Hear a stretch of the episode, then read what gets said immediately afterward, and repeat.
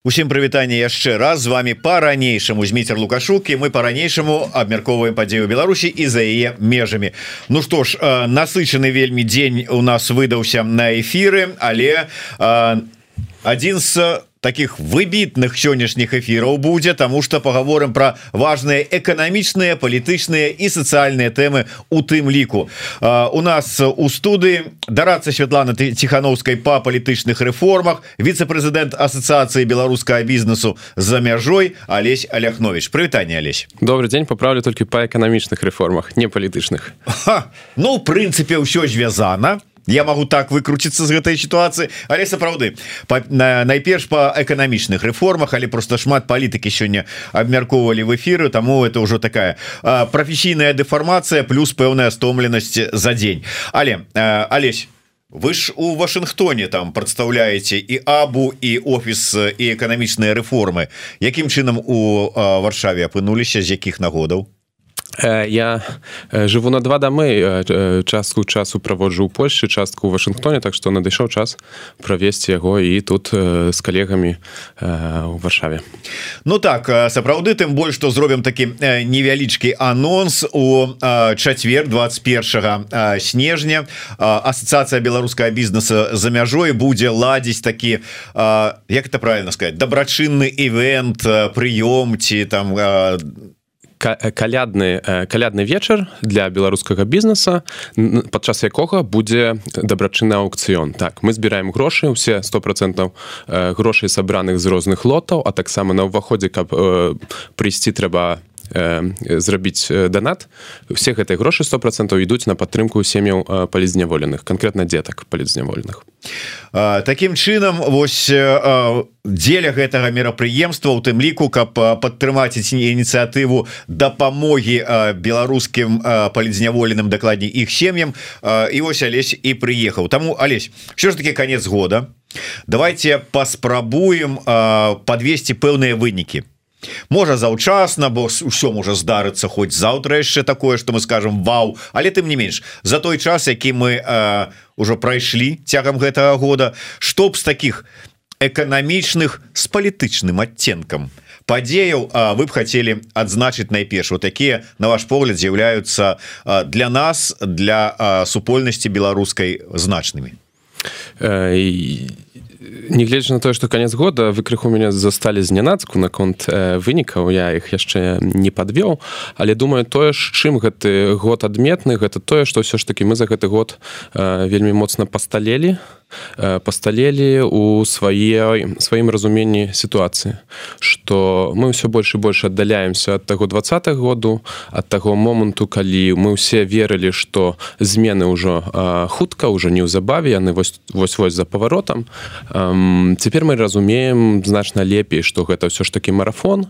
І нам трэба ствараць падмуркі сваю сваёй свайго і грамадзянскага супраціву ўнутры краіны і падмуркі толькі моцнай дыяспоры за мяжою. Каб вытрываць гэты час і каб э, не, не змарнаваць гэты час толькі наадварот выкарыстаць яго дзеля падрыхтоўкі э, для рэформа ўжо ў новай беларусе Ну а, але вот калі казаць про нейкія падзеі чтоб вы цягам года як ну ўсё ж таки дарацца по эканамічных рэформах адзначылі безумоўна ёсць і пазітыўныя і адмоныя вынікі Ну по традыцыі калі кажуць у мяне две навіны якую першую то давайте з добрых з, з добрых одна з з добрых навінаў гэта тое что э, беларусы за мяжой яны не губляюць імпэт не губляюць патэнцыял яны інстыту інстытуцыяналізуюцца.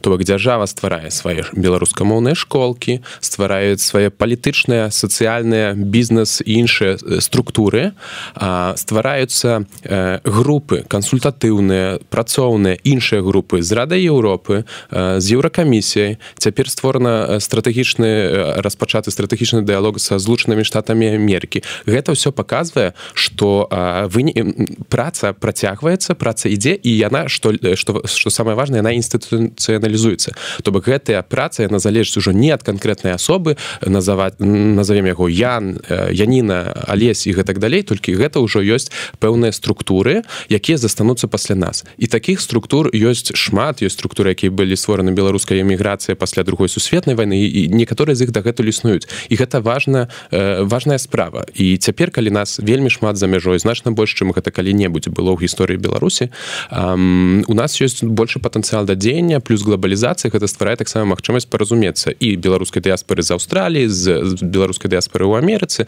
і з беларусамі ўнутры краіны калі пра стратэгічны дыялог ўсё ж таки з эканамічнага пункту гледжання Я ведаю што вы бралі удзелу працы гэтага стратэгічнага дыялогу з эканамічнага пункту гледжання что там было важнага что там было цікавага Ну апроч 30 мільёнаў?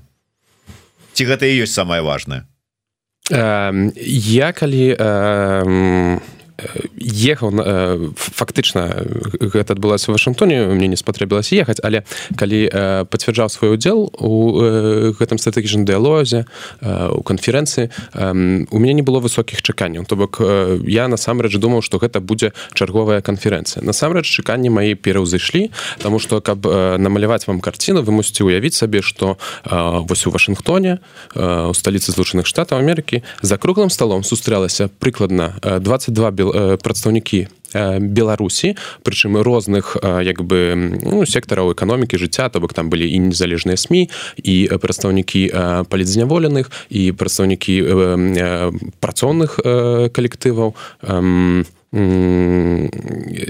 бізнеса экспертная супольнасць і гэтак далей гэтак далей. 22 беларусы беларускі і прыкладна такая ж колькасць амерыканскіх прадстаўнікоў з боку міністэрстваў то бок было міністэрства замежных справаў што ў ЗША называется дзярждэпартаментам было міністэрства эканомікі якое ў ЗША называется дэпартаментам гандлю. Было міністэрства фінансаў у тым ліку тыя хто адказныя за санкцыі.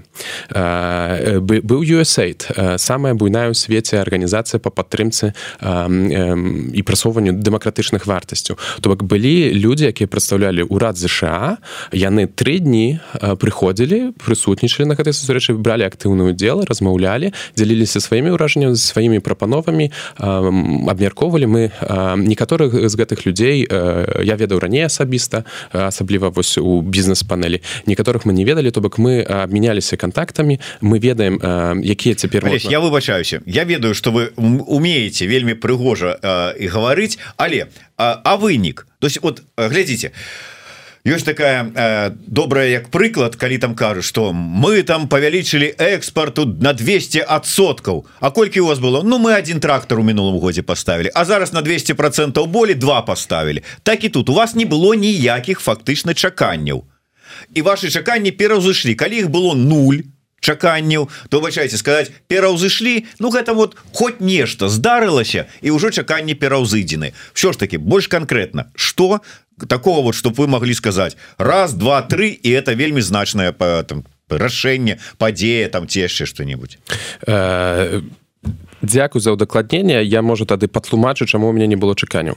Таму что э, э, з цягам часу тры гады ўжо прайшло ад жніўня два году і зацікаўленне светам да беларускіх справаў яна памяншаецца аб'ектыўна не толькі таму што ёсць вайна ва ўкраіне і вайна на блізкім сходзе але таму што ну ўсё больш часу губляе як бы по мінае ўсё менш пратэста ўнутры краіны міжнародная супольнасць змяняе сваю увагу на іншыя справы.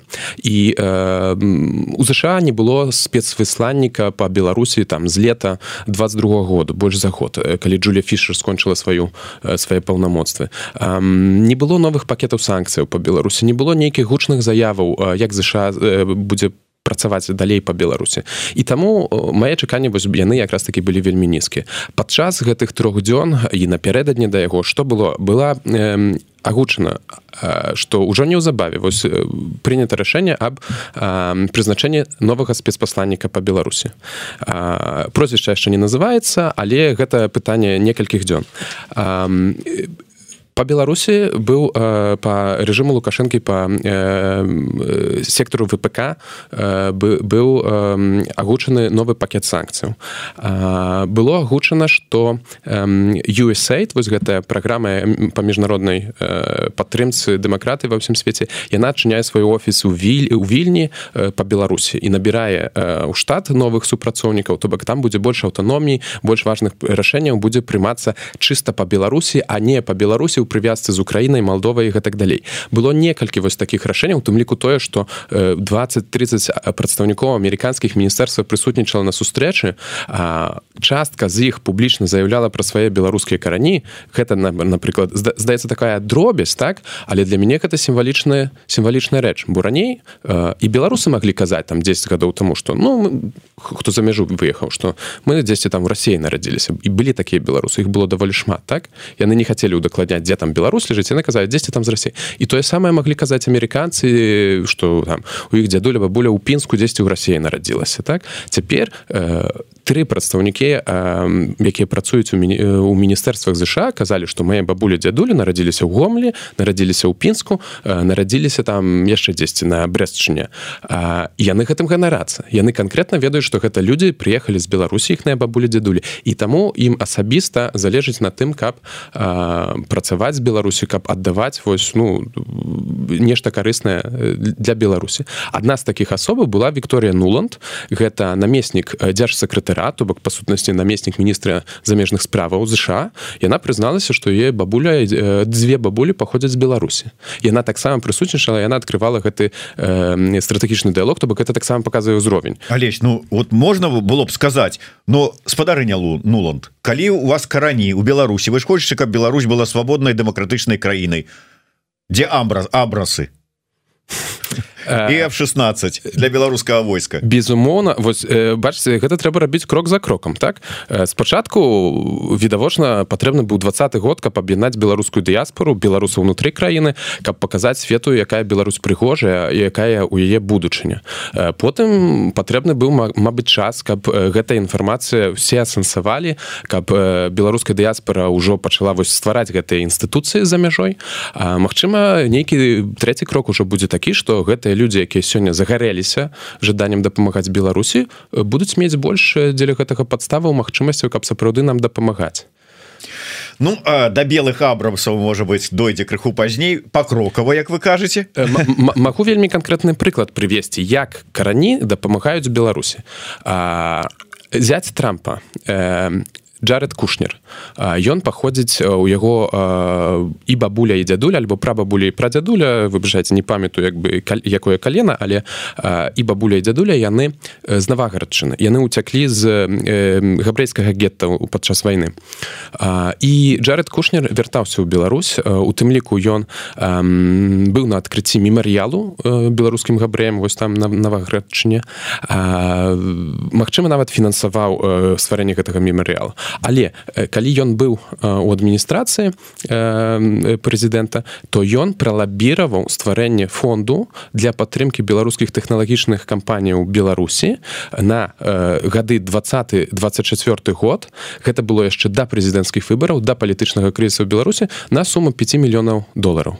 То бок калі б гэтага чалавека не было Мачыма бы не было бы гэтай праграмы. Мачыма бы яна адчынілася пазней у меншым аб'ёме альбо ўвогуле яе не было. Дзякуючы таму што быў такі чалавек які сімпатызаваў беларусі які мае беларускі карані у яго атрымалася гэта пралабіраваць. Гэта такая сімвалічная дробная рэч але тым не менш намацальна 5 мільёнаў долараў гэта ўсё ж такі чесці падаткі. І хтосьці гэтыя падаткі накіраваў замест Украіны Ізраіля я не ведаю яшчэ нейкай іншай краіны на Беларусь. І гэта наша софт пауэр і мы вось цяпер гэтыя апошнія тры гады якраз такі э, ствараем гэтую софт мацуем. Вы запыталіся які вось вынікі 23 года. Вось я лічу гэта тое што мы асэнсавалі што мы павінны ствараць свае інстытуты за мяжой. Мы павінны э, вельмі доўгатэрмінова на гэта глядзець стратэгічна гэта глядзець бо наша барацьба на гады на жаль а не на там дні ці тыдні. А про 30 мільёнаў якія выдаткаваныя у гэтым наступным годзе дэмакратычным сілам беларусам ад ЗША ўсё ж таки гэта сума гэта шмат ці не? І на што ці вядома ўжо як і на што яны будуць патрачаныя? Таму что ўжо кажу что ну вот ужо ёсць што папіліць гэтым вот як там любіць казаць этот вот дзеяч который бегае паўсюль з крыкам лицемеры палітычныя гастарбайтары падзеліць паміж сабой спрабую адказаць э, конкретно.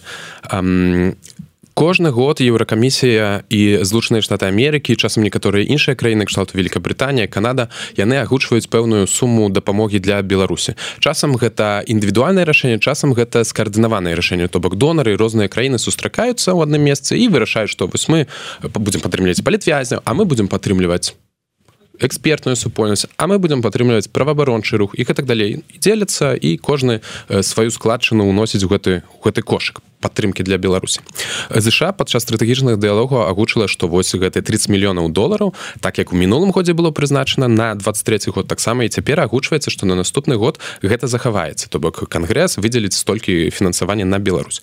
Цяпер э, глядзім што азначаюць 30 мільёнаў долараў гэта азначае што гэтыя грошы паступяць праз э, амерыканскія структуры і міністэрствы і імплементарскія арганізацыі якія выдзяляюць гэтыя грошы далей уже на беларускія праекты.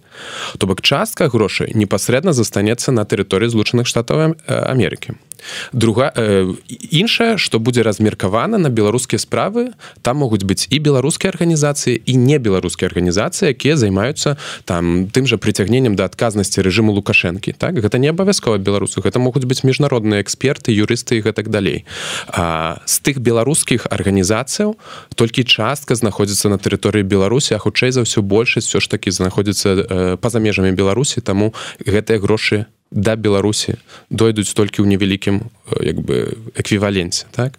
А, таму трэба разумець што 30 мільёнаў долараў гэта не нешта што вось усю з гэтую суму атрымаюць беларусы насамрэч э, ну гэта меншасць з гэтага атрымаюць непасрэдна ўжо беларускія там не ведаю эксперты беларускія арганізацыі з гэтага э, выплочваюцца падаткі складкі і гэтак далей.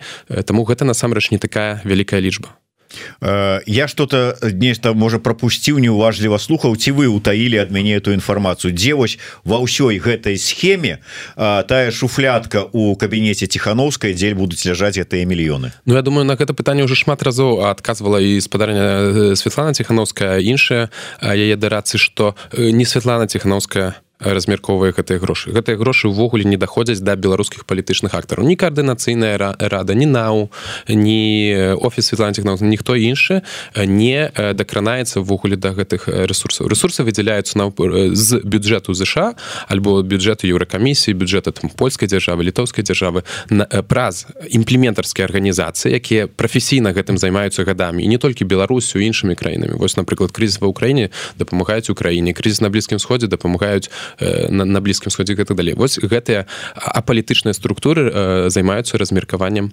э, гэтых сродкаў. І гэта таксама важна разумець бо э, часам э, можна мець уражанне што калі б гэтую суму 30 мільёнаў долараў э, ЗША 30 мільёнаў еўра з еўразвязу ўзяць і просто перадаць аднаму беларусу ці адной беларускай арганізацыі то за гэтыя лічбы за гэтую суму я думаю можна нават змяніць уладу ў беларусі. Але э, але так... чаму гэтага не робіцца? Захад не хоча змены ўлады ў беларусі тады атрымліваецца ці як? Так працуюць э, так працуюць цывілізаваныя дэмакратычныя краіны. Яны не фінансуюць э, дзейнасць ну вось э, наўпрост скіраваную на змену палітычнага рэжыму. А прынамсі яны гэтым не займаюцца ўжо апошнія многія десятгоддзі Мачыма 10 100 гадоў таму такія рэчы былі але справы змяніліся сітуацыя змянілася. Ну, на сённяшні момант заходнія краіны гэта грошы падаткаплатнікаў то бок это цалкам легальныя грошы яны трапляюць на вельмі канкрэтныя праекты там няма сілавога кампаненту так?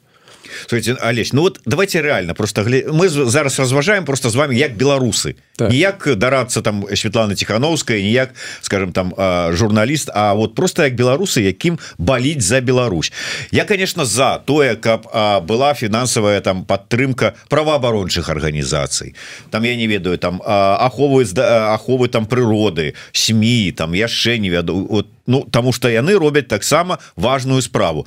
Але ну все мы хочам как бы вызвалення Беларусі. Может быть все ж таки реально было ну там довесці ці вот потым взять і скамп ну атрымалі гэтыя арганізацыі але сабраць і скіраваць это на некое вызваленне э, краіны. Ці ўсё ж таки такое адчуванне складывается что ну там тады не хочуць нейкага вызвалення ім выгодна вот так вот укладаць грошы але распыляць на вот такие вот і казаць потым потом Ой якое белый пушысты у меня такое белое паліто паглядзіце вот а, а нічога не змянілася Я думаю гэта вельмі слушнае пытанне так? І э, я таксама часам пра і пра яго думаю. І ну мой адказ такі што за гэтым павінны стаяць беларускія грошы і беларускі бізнес беларускія грамадзяне а не э, заходнія краіны заходнія ўрады заходнія спецслужбы так? Ці мы хочам каб нехта іншы э, як бы нашими руками э, змяняў ладу Беларусь? Я думаю мне мы гэтага не хочам. Мы хочам каб беларусы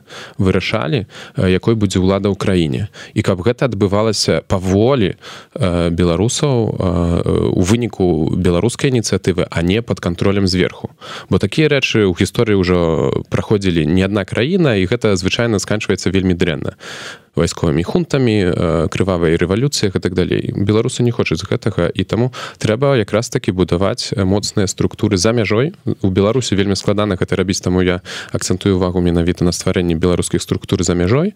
І мацаваць беларускі бізнес ствараць беларускую бізнес-супольнасць і каб яна фінансавала беларускія сацыяльныя праекты эканамічныя праекты палітычныя праекты таксама Ну але бачце атрымліваецца что потым людзі звычайныя якія вот не ведаюць як працуюць гэтыя сістэмы размеркавання гэтых грошай. По выніку пачулі суму 30 мільёнаў для дэмакратычных сілаў Беларусі для там Беларусі для беларускай супольнасці. а а потым скажут так а, а дзе гэтыя грошы? А что вы за гэтыя грошы сто такія грошы а за іх вот нічога не зрабілі по выніку вот каб кардынальна змяніць сітуацыю ў краіне? Ты где гэтыя грошы? А потым яшчэ прыбягуць палітыкі якія любяць папіярыцца на этом і будуць сказать 120 мільёнаў! Яны разакралі сабе паклалі ў кішэню вячорка ва ўсім вінаваты!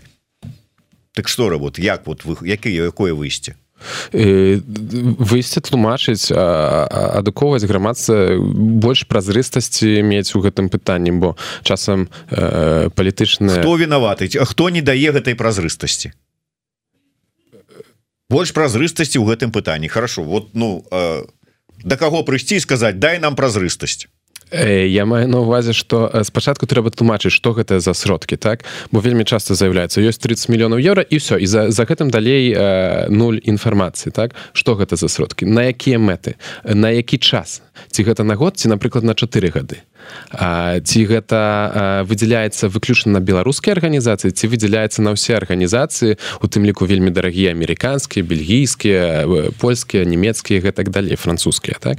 Таму чым больш будзе адкрытасці тлумачэння што гэта за грошы. Ну і разумееце беларускія палітычныя сілы могуць стымуляваць выдзяленне гэтых сродкаў але беларускія сілы не з'яўляюцца уласнікамі гэтых сродкаў бо гэта ўсё ж такі сродкі падаткаплатнікаў вельмі канкрэтных краінаў і гэта ну мы не можемм сказаць что выдзяляйте калі ласка на сілавы блок на добраахвотнікаў Хаця я асабіста бы задавальненнем падтрымаў такое рашэнне каб менавіта ствараць моцны сілавы кулак для беларусі бо лічу что э, не эканамічнай праграмай ці прыгожымі іншымі заклікамі мы зможам змяніць сітуацыю ў краіне. Так лукашенко не паддаецца на такія заклікі ён разумее толькі сілу і таму калі беларусы хочуць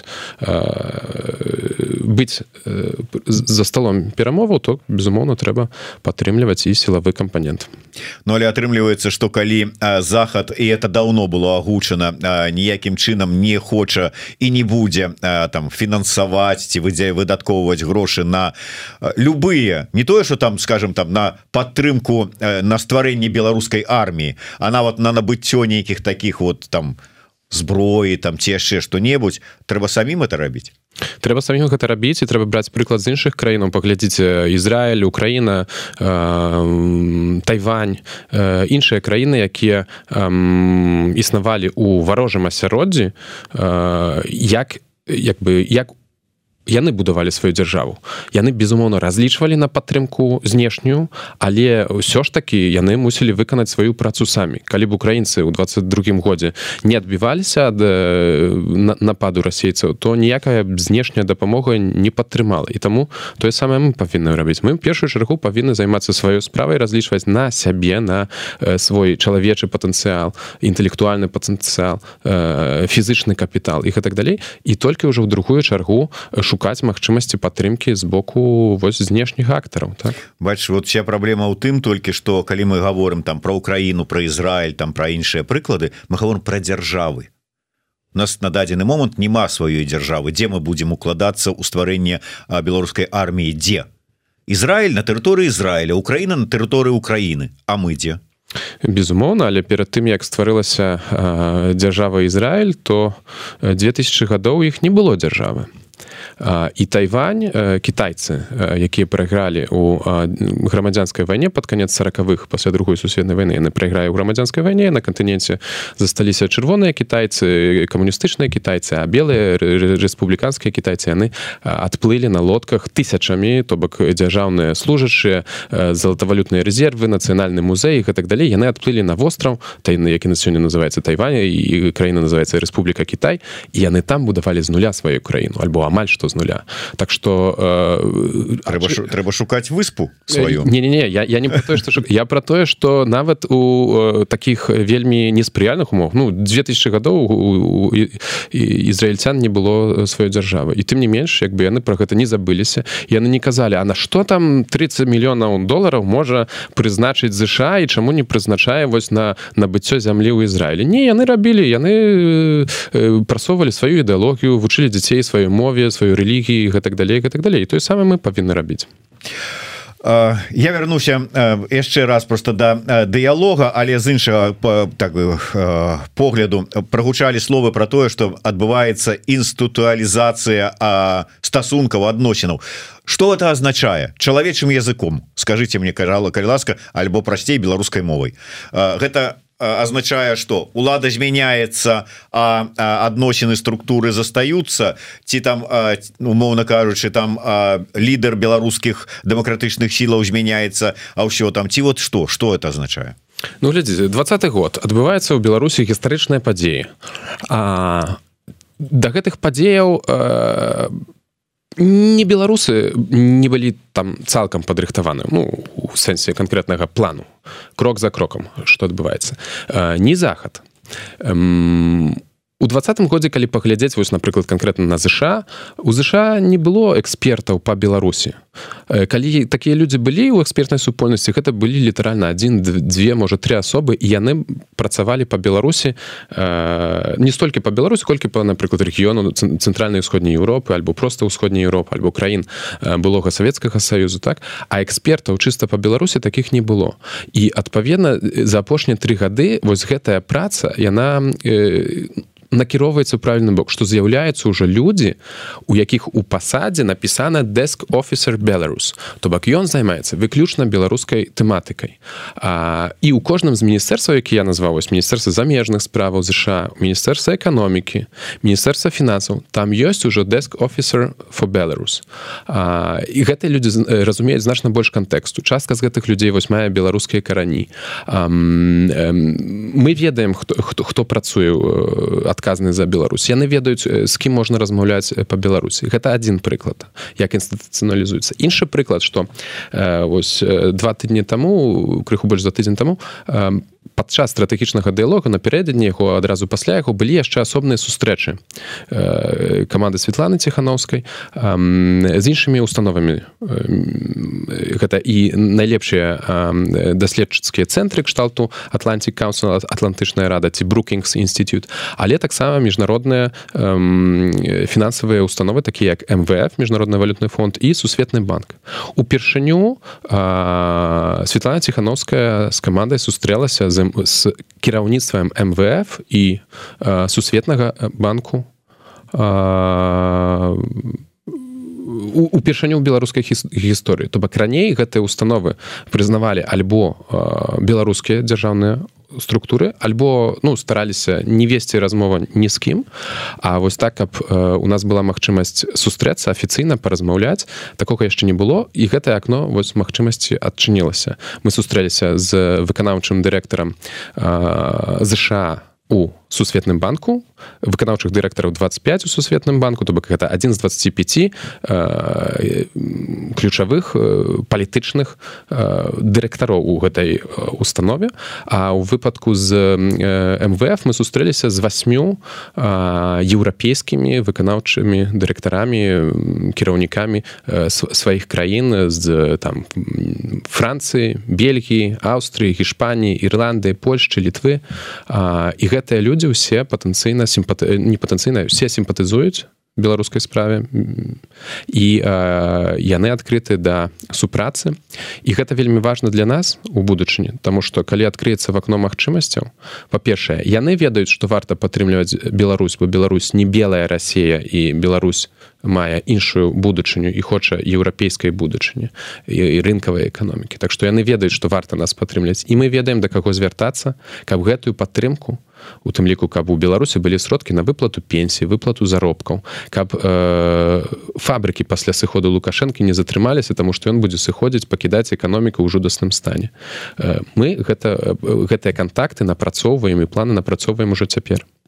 Ну ўсё ж таки пагадзіся лёгка казаць про тое что ну вот некалі калі у нас там будзе новая Беларусі мы там і рэжым рухне то вы нам дадзіце да дадзім некалі дадзім Ну такія абяцанні які ні да чого не абавязваюць ці это ўсё ж таки больш сур'ёзна мы робім тое што ў наших сілах мы вы самі правильно заўважылі мы не прадстаўляем сёння дзяржаву так у нас у офіса Светлана ціхановскай у каардынацыйнай радзе у нау няма у кабінета няма дзяржаўнага апарату няма сотняў тысячаў супрацоўнікаў якія могуць выконваць распараджэнні. Няма сваіх сваёй арміі свайго бюджэту і гэтак далей. То бок самі паглядзіце у якой сітуацыі мы знаходзім. І тым не менш мы прабіваем чарговыя крок за крокам чарговыя вокны.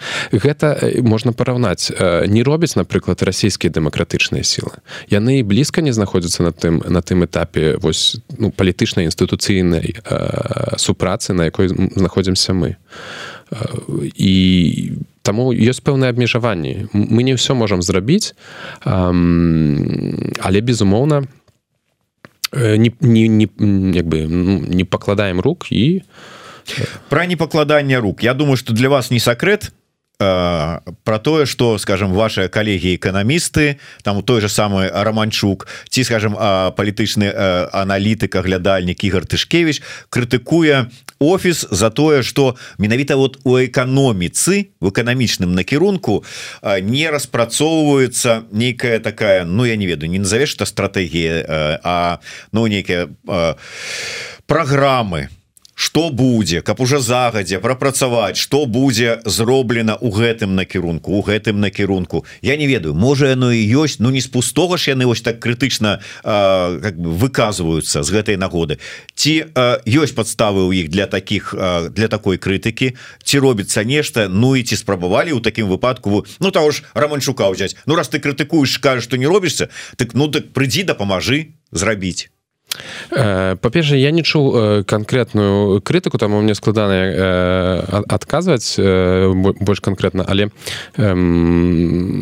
тое што дакладна можна сказаць па-першае эканамічныя праграмы яны ёсць.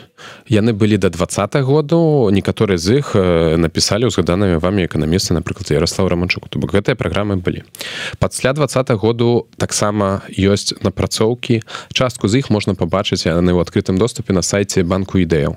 Там парадка 20 можа 30 праектаў розных эканамічных рэформаў напрыклад у пенсійнай э, сферы у сацыяльнай палітыцы э, у э, дэмаграфічнай палітыцы у рэструктурызацыі дзяржпрадпрыемства прыватызацыя дзяржпрадпрыемства фінансавы сектор і так далей так далей то бок можна зайсці можна пачытаць можна пакінуць каментар некаторыя з гэтых рэформ былі публічна прадстаўлены і можна было у тым ліку можна было паслухаць задаць пытанні былі рэцэнзенты з боку і працоўных і з боку бізнеса Так што э, праграмы ёсць э, Мачыма не ўсё настолькі э, добра прапіярена так?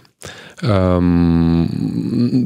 над гэтым думаю можна працаваць далей. Але маё асабістае меркаванне гэта тое што на дадзены момант ужо не праграма эканамічная вырашае э, тое ці ў беларусі сітуацыя зменіцца палітычна ці не зменіцца все ж таки вырашае ну, ге геапалітычная зараз сітуацыя тое што ў беларусь уцягнута вайну тое што Росія готова падтрымліваць лукашэнку не гледзячы ні на што любым коштам ну і Ну да ну вот э, глядзелись э, як я і казаў э, нягледзячы на тое что у чарговы раз у ты вот так вот распісаў там схему там ці вот як оно працуе як выдатковваюцца кому выдатковваюцца якія накірункі выдатковваюцца і як кантралюецца скарыстанне гэтых сродкаў. Вот все гэта распісаў і прычым не першы раз. І а, ты раней в эфиры гэта рассказываў рассказывалі іншыя людзі якія таксама працуюць з грантамі але ўсё одно вот по выніку каментар гэтыя грошы ціхановская брала ад спонсораў як у двукосі кіраўнік беларускіх партызанаў і беларускіх добраахвотнікаў. Як так? Як такое Мачыма Ну і а, далей а, то есть бярем грошы под беларусаў а беларусам не даем толькі сабе. Так что можете рассказывать что хочете по выніку ўсё одно гаворыце так потому что самі маеце свой кавалак от гэтых грошай Я думаю вы зараз зацытавалі нейкіх ботаў якія нават не праслухалі ўсю праграму тому что я вельмі конкретно сказаў что грошы на фін... на фінансаванне сілавога кампаненту ни одна дзяржава не выдзяляе. Ну разумееце тут же справа такая что можна праслухаць але праслухаць то есть послухаць але не пачуць что гаворыць і такое вельмі часто здараецца Ну альбо веры нема альбо вот ёсць перакананне что яно вот дзейнічае так і колькі не гавары что вот не ўсё ж таки не зусім так а, ну застаюцца на сваім меркаванні людзей вот гавары не гавары мы кажам про тое что трэба празрыстасць трэба даводзіць Ну про гэта казалі не один раз і не толькі вот прадстаўнікі там скажем офіса ціхановскай абсалютна незалежных ад гэтага структуру бо так працуюць э, схемы грантавыя схемы ва ўсім свеце для любой краіны Ну але вот вот такое. І тое самае тычыцца эканамічнай праграмы что глядзіце спачатку ёсць крытыка што няма эканамічнай праграмы покажыце нам эканамічную праграму. Калі яна ёсць то кажуць не надта складана вось вы нам гэтыя там 150 сторонок э, растлумачце на 50 картинках. Калі ёсць картинки то скажуць ну не ну гэта неяк спрошчана покажыце нам все ж такі больш падрабязна калі больш падрабязна ёсць А чаму вы не выкарысталі не абмеркавалі гэта яшчэ напярэдадні там з людзьмі там з, з працаўнікамі заводаў і, і калгасаў і гэтак далей. Калі гэта ёсць то знойдзецца іншы элемент крытыкі так? То бок звычайна тыя хто крытыкуе гэта звычайна людзі якія вельмі ну самі не ангажуюцца. Тыя хто ангажуецца яны ведаюць і пра тое што ёсць напрацоўкі. Яны ведаюць і пра тое што да гэтых напрацовак прыцягнуты найлепшыя беларускія эканамісты вельмі часта таксама эканамісты якія праводзілі паспяховыя эканамічныя рэформы у сваіх краінах у Польшы у славачыні у Эстоніі у Грузіі у іншых краінах. То бок гэта ўсё ёсць пытанне просто ці чалавек гатовы падтрымліваць і дапамагаць верыць у тое што мы разам робім ці чалавек на, на сафеля жыць і крытыкуе. Добра алесь на жаль трэба набліжацца да завяршэння але ёсць таких пару у прыземленых пытанняў ад наших гледачоў якія тычацца з жыцці Ну вот штодзённага нашага а не таких глобальных тэмаў як стратэгічны дыалог і 30 міфічных мільёнаў. Что жакае гаманцы беларусаў у 24 годзе пытаецца глядач под нікам Макссім да чаго рыхтавацца Ну і далей там шэраг пытанняў. Інфляцыю не ўтрымаюць что будзеш з коштамі? Ці чакаць дэфіцыту? Что будзе з зарплатамі? Наколькі мы будзем ад рассеі залежыць у 24 годзе? Ну давайте по по чарзе. да. Что что так інфляцыю не ўтрымаюць? Інфляцыю могуць і утрымаць беларускія ўлады паказваюць што што яны могуць загадаць цэнам стаяць могуць пачаць арыштоўваць людзей бізнесоўцаў за, за тое што цэны не стаяць все ж такі і часам гэта дапамагае так пэўны час. Зараз все ж такі ёсць нейкі інфляцыйны навес то бок грошай даволі шмат у эканоміцы і гэтыя цэны пакрысе пачынаюць ужо ўзрастаць. І хутчэй за ўсё ну гэта тэндэнцыя захаваецца у беларускай эканоміцы. Той токі цены будуць расці і беларус беларускі рубель крышачку будзе ўсё ж таки дэвальвавацца. Плюс-мінус у э, прапарцыйна і да росту цэнаў. То есть что будзе з коштамі ці чакаць дэфіцыт то значит кошты будуць расці кошты будуць расці дэфіцыту не, не трэба чакаць. Беларуская эканоміка выявілася больш гібкай. у чым здавалася то бок ні страта такога вялікага для беларускай эканомікі рынку як Украіна ні вялікія санкцыі не байкот беларускай эканомікі з боку міжнародных кампаній. Гэта ўсё не прывяло да ну, нейкага спусташэння да нейкага сур'ёзнага эканамічнага крызісу. Так эканоміка прасела на амаль 5 5 процентаў у 22 годзе. Зараз яна вырасла на непоўных 4 процент у 23 годзе то бок яна нават не вярнулася да даваеннага стану. По калі паглядзець на больш шырокую карціну то беларуская эканоміка ў стагнацыі з 12 -го году яна расце ў сярэднім на менш чым один процент штогод а часам асядае бо былі рэцэсія 15-16 году 20 году 22 году так то бок три крызісы толькі за гэтыя 11 гадоў. І калі шырэй паглядзець яшчэ не, не толькі шырэй на беларускую гісторыю а паглядзець на, на, на краіны на, наших суседзяў. І гэта дарэчы тычыцца эканамічнай праграмы. Калі нехта пытаецца якая у на у беларусаў дэмакрат у дэмакратычнай беларусі эканамічнай праграме якая за у, а якая ёсць у лукашэнкі. З новых году мінімальны заробак у беларусі павялічыцца з пры прыкладна там 160 цяпер еўра на 180 еўра беларускіх рубля 626 рублёў. Э, кажу еўра каб просто параўнаць з іншымі краінамі. У Латвіі э, гэты заробак з першага студзеня будзе роўны 700 еўра. Э, то бок ужо у у амаль чатыры разы вышэй. У літве гэта будзе 924 еўра з першага студзеня. У польшчы будзе амаль тысяча еўра. У літве і у польшчы мінімальны заробак у польшчы у 5 разоў вышэйшы чым у беларусі. Безумоўна хтосьці скажа что там падаткі крышачку вышэйшыя цены крышачку вышэйшыя але ўсё роўна розніца каласальная.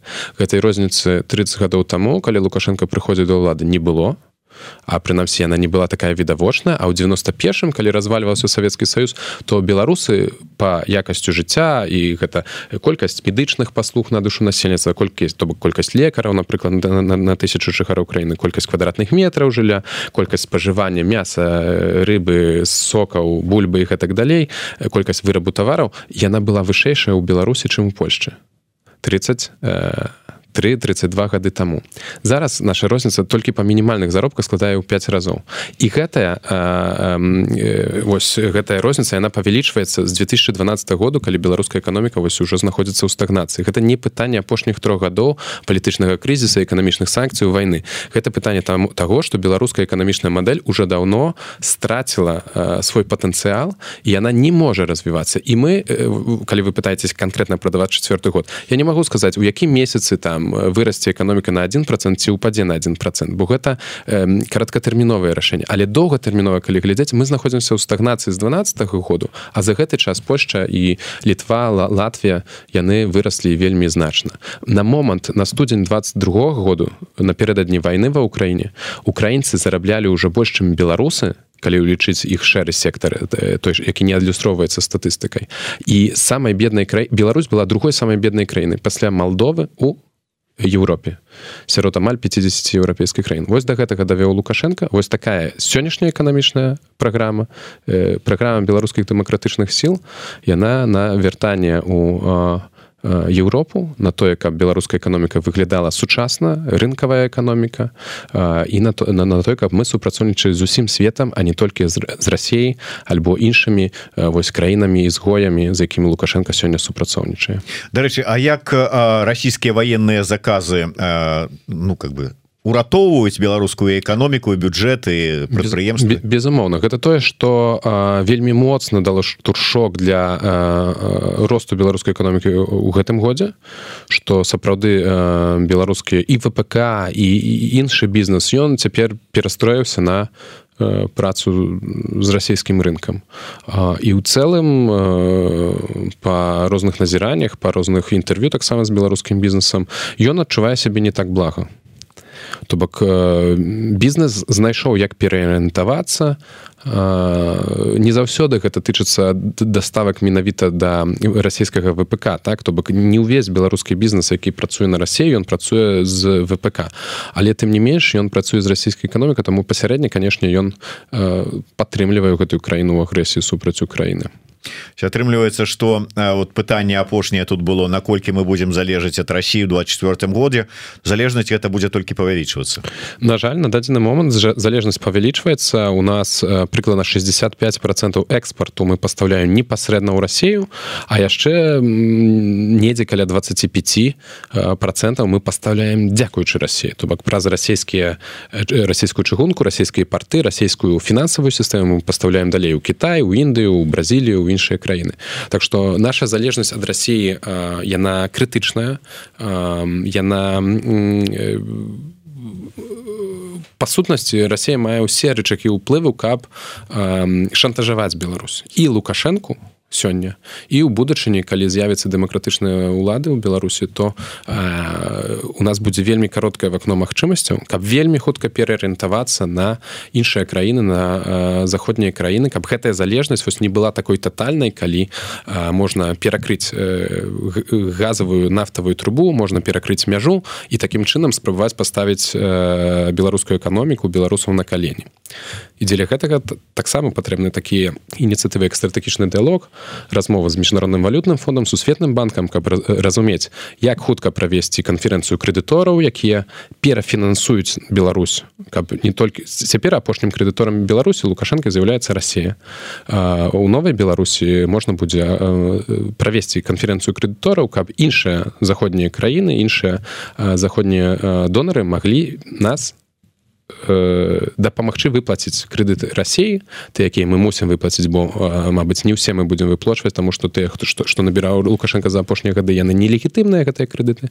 Таму не ўсе але частку Мачыма трэба будзе сплаціць трэба ведаць як пераарыентаваць энергасістэму. І гэта таксама у нас ёсць эксперты якія працуюць вось па энергетычнай бяспецы беларусі. Як реверсам пастаўляць нафту газ у беларусі як па чыгунцы пастаўляць за літоўскіх латышскіх партоў як пераключыцца больш на ўнутраныя резервы і ўнутраныя крыніцы энергіі. Як стварыць вось такі план ну, нейкі крызісны план як каб хутка перадамовіцца з іншымі краінамі іншымі партнёрамі. І каб Беларусь не баялася праводзіць свае і палітычныя рэформы і эканамічныя рэформы. Ну што ж дзякуй вялікі на жаль трэба завершаць на завяршэнне у мяне будзе два таких кароткі. Першае мне тут днямі юры дракахруста такую скінуў анкету попрасіў такі зрабіць прогноз на наступны год і сярод іншага дзе такія былі пытанні на якія я мог адказаць было такое пытанне Ну дзе мне складана то есть толькі ну такое угадаю не угадаю а таму перадрасоўваю вам які будзе курс долара у канцы 24 -го года э, не адкажу на гэтае пытанне. Вот так вот Юры А што ж вы задаеце такія пытанні вот мне? Вот эканаміст не можа адказаць без каментару вот так вот бачыце ерундой занимаетесь там у сябе задаючы такія пытанні. Ну і Олесь все ж таки давайте закончим на нейкім ну прынамсі пожаданні пазітыва. Каляды Новы год ваше пожаданне беларусам усім беларусам по ўсім свеце і на матэрыковай Беларусі таксама можа найперш. Что пожадаете заставайцеся стойкімі ў сваёй веры і ў веры ў Бога і ў веры ў Беларусь у веру свой народ.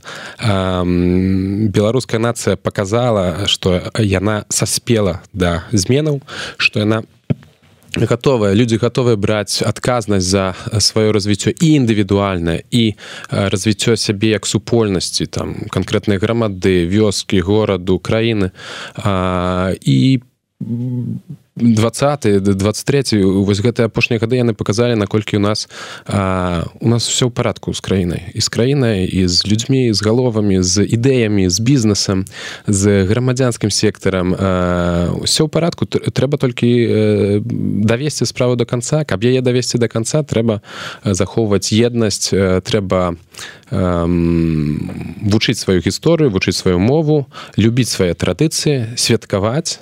У коле беларускі ну не только не только але таксама у беларускім коле. А, і э, не забывацца на тое хто мы ёсць нават калі многія з нас сёння выехалі за мяжу не пускаць руки ведаць что гэта патэнцыял наш что сёння мы будуем сваё лоббі за мяжой.